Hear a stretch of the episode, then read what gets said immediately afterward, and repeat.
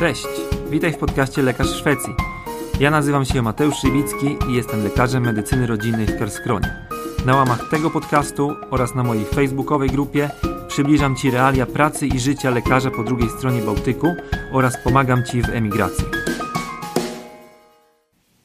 Cześć, tu Mateusz Szybicki. Witam Cię w kolejnej odsłonie Lekarza w Szwecji i dzisiaj chciałbym zainspirować Cię sposobami na administracyjne odciążenie lekarzy, sposobami, które już mają miejsce, istnieją w Szwecji i które być może mogłyby być jakąś inspiracją dla polskiego systemu. Na początek warto wspomnieć, że najlepszym sposobem, żeby zminimalizować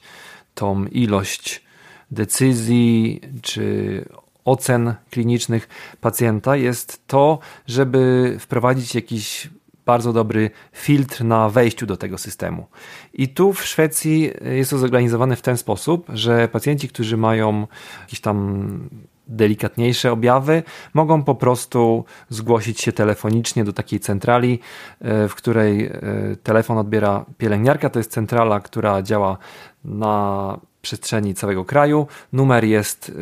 e, również taki sam dla wszystkich obywateli, dla wszystkich regionów w całej Szwecji. To jest numer 1177 i tam pacjent może skonsultować swoje objawy i jeżeli to jest coś yy, jeżeli to jest coś, co nie zagraża jakoś mocno jemu, jego zdrowiu i życiu, to pielęgniarka po prostu udziela porad, informuje pacjenta, jak może spróbować zniwelować te objawy i ewentualnie, kiedy ma się zgłosić ponownie na kontrolę lub na jakąś fizyczną wizytę lekarską, albo jeżeli to jest jakiś poważny problem, to taka pielęgniarka może od razu poprosić takiego pacjenta, żeby na przykład pojechał na SOR albo wezwał karetkę. E, większość oczywiście tych problemów, z którymi dzwonią pacjenci, no to są mniej nasilone objawy, zazwyczaj jakieś objawy infekcji, jakieś takie bardziej podstawowe, powszechne objawy, z którymi można sobie dać radę za pomocą powszechnie dostępnych środków, jakichś leków bez recepty, więc o tym wszystkim informuje pielęgniarka. W zasadzie to pacjent może też y, nawet bez dzwonienia do tej centrali uzyskać bardzo wiele informacji, ponieważ jest też strona, e, która się nazywa tak samo jak ten numer, czyli 1177.se i tam wpisując nazwę objawu lub jakiejś tam dolegliwości mo mogą tacy pacjenci znaleźć podstawowe informacje i podstawowe instrukcje jak działać i czy to już jest czas na zgłoszenie się do ośrodka zdrowia, na SOR lub zadzwonienie do tej centrali, czy można spokojnie jeszcze jakoś tam próbować E, opanować te objawy we własnym zakresie i też instrukcje, w jaki sposób to zrobić. Świadomość pacjentów w kwestii takich podstawowych tematów zdrowotnych w Szwecji jest też większa, dzięki czemu e, oni aż tak szybko tej słuchawki nie podnoszą i nie dzwonią z jakimiś takimi bardzo błahymi, może mm, symptomami. Jeśli chodzi o Infekcje i zwolnienie lekarskie to tak jak mówiłem już we wcześniejszym odcinku, pacjenci tutaj w Szwecji mogą wykorzystać tak zwane zwolnienie na żądanie do 7 dni i nie muszą w trakcie tych pierwszych 7 dni choroby w ogóle angażować do tego e, lekarza i ochrony zdrowia. Także tutaj też na pewno e, dzięki wszystkim tym aspektom, które, o których wspomniałem, to już na tym wlocie jest mniej pacjentów, dzięki czemu e, zarówno pielęgniarki, jak i lekarze i cały personel dostępny na różnych szczeblach ochrony zdrowia po prostu często nawet nie musi być angażowany i nie musi to zajmować czasu takiego lekarza. No i teraz dalej, gdy ten pacjent już stwierdzimy, że jednak musi przyjść do e, ośrodka zdrowia, czy do kliniki, to wtedy musimy już się posługiwać tymi środkami, które mamy na miejscu. I tutaj dużym plusem w szwedzkim POZ jest na przykład to, że lekarze rodzinni są wyposażeni w bardzo szerokie kompetencje i mogą w zasadzie większość objawów czy schorzeń zaopatrzyć na miejscu bez potrzeby wysyłania takiego pacjenta na SOR czy do jakichś przychodni specjalistycznych. Mają również możliwość podniesienia słuchawki i niemalże w czasie rzeczywistym skonsultowania tego pacjenta z, ze specjalistą szpitalnym z danej dziedziny, z której ten problem dotyczy. Poza tym na miejscu są też dostępne szerokie możliwości diagnostyczne w postaci laboratorium, które może e, część takich podstawowych parametrów już ocenić na miejscu, a to mm, czego się nie da zanalizować na miejscu jest po prostu wysyłane do szpitala dwa razy dziennie transportem i późnym popołudniem lub mm, najpóźniej następnego dnia mamy już wyniki wszystkich badań. No chyba, że to są jakieś bardzo specjalistyczne badania, które muszą jechać do jakichś ośrodków specjalnie do tego certyfikowanych, no to może to zająć powiedzmy kilka dni. Dzięki temu yy, właśnie prawie całą tą diagnostykę albo w zasadzie całą można przeprowadzić na miejscu i dopiero w momencie, kiedy y, brakuje jakichś już wyżej wykwalifikowanych kompetencji albo bardzo specjalistycznej diagnostyki, no to wtedy dopiero wysyłamy tego pacjenta gdzieś tam dalej po tej drabinie systemu. I teraz y, trzecia kwestia, ale taka, której chciałbym poświęcić najwięcej czasu w tym odcinku, to jest kwestia asystenta medycznego, a tutaj w zasadzie w Szwecji jest to sekretarka medyczna, czyli osoba, która ściąga ogromną część tej pracy administracyjnej właśnie przede wszystkim z lekarzy, ale też z pozostałych grup zawodowych pracujących w ośrodku albo e, na oddziale czy w przychodni. I system jest skonstruowany w ten sposób, że dokumentacja e, jest dyktowana przez lekarza po odbytej z pacjentem wizycie. Lekarz e, za pomocą prostego urządzenia, które jest podłączone do komputera, dyktafonu, po prostu dyktuje swoje obserwacje, dyktuje zarówno badanie przedmiotowe, jak i podmiotowe, e, swoje wnioski, diagnozę i potem zatwierdzając e, ten dyktat jednym kliknięciem w systemie, te, to nagranie y, ląduje u właśnie tych pań sekretarek medycznych, gdzieś tam w innym pomieszczeniu, w,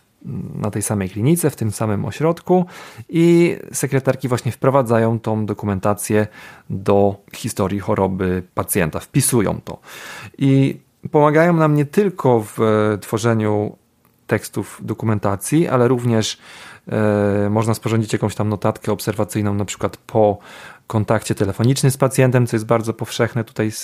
w Szwecji, taki jakby odpowiednik teleporady, ale to jest nie tylko taka jednorazowa porada, tylko nawet można jakby prowadzić pacjenta w ten sposób, jakieś tam y, udzielać mu dalszych instrukcji, czy poinformować o wynikach badań lub po prostu poprosić, aby umówił następną wizytę na dalszą diagnostykę. Więc yy, sekretarki medyczne również spisują wnioski i obserwacje czy informacje E, które podyktujemy po takich rozmowach telefonicznych. Sekretarki piszą również e, dla nas listy do pacjentów albo zajmują się takimi już ściśle administracyjnymi mm, rzeczami typu, żeby poinformowały mm, jakąś pielęgniarkę o jakimś pacjencie w jakiejś konkretnej sprawie, albo żeby wpisały tego pacjenta na jakąś listę oczekiwania do jakiegoś tam mniejszego zabiegu lub e, na rewizytę albo przesłały na przykład tą dokumentację, którą sporządzą, gdzieś tam do jakiejś innej instancji, do jakiegoś oddziału, czy do jakiejś innej przychodni, y, która też na przykład powinna wiedzieć o tym, co zostało wykonane w temacie tych problemów pacjenta.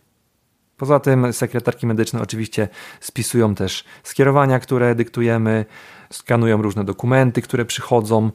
e, i które są w formie fizycznej, takie dokumenty, które powinny się znaleźć w dokumentacji pacjenta, na przykład jakieś tam pomiary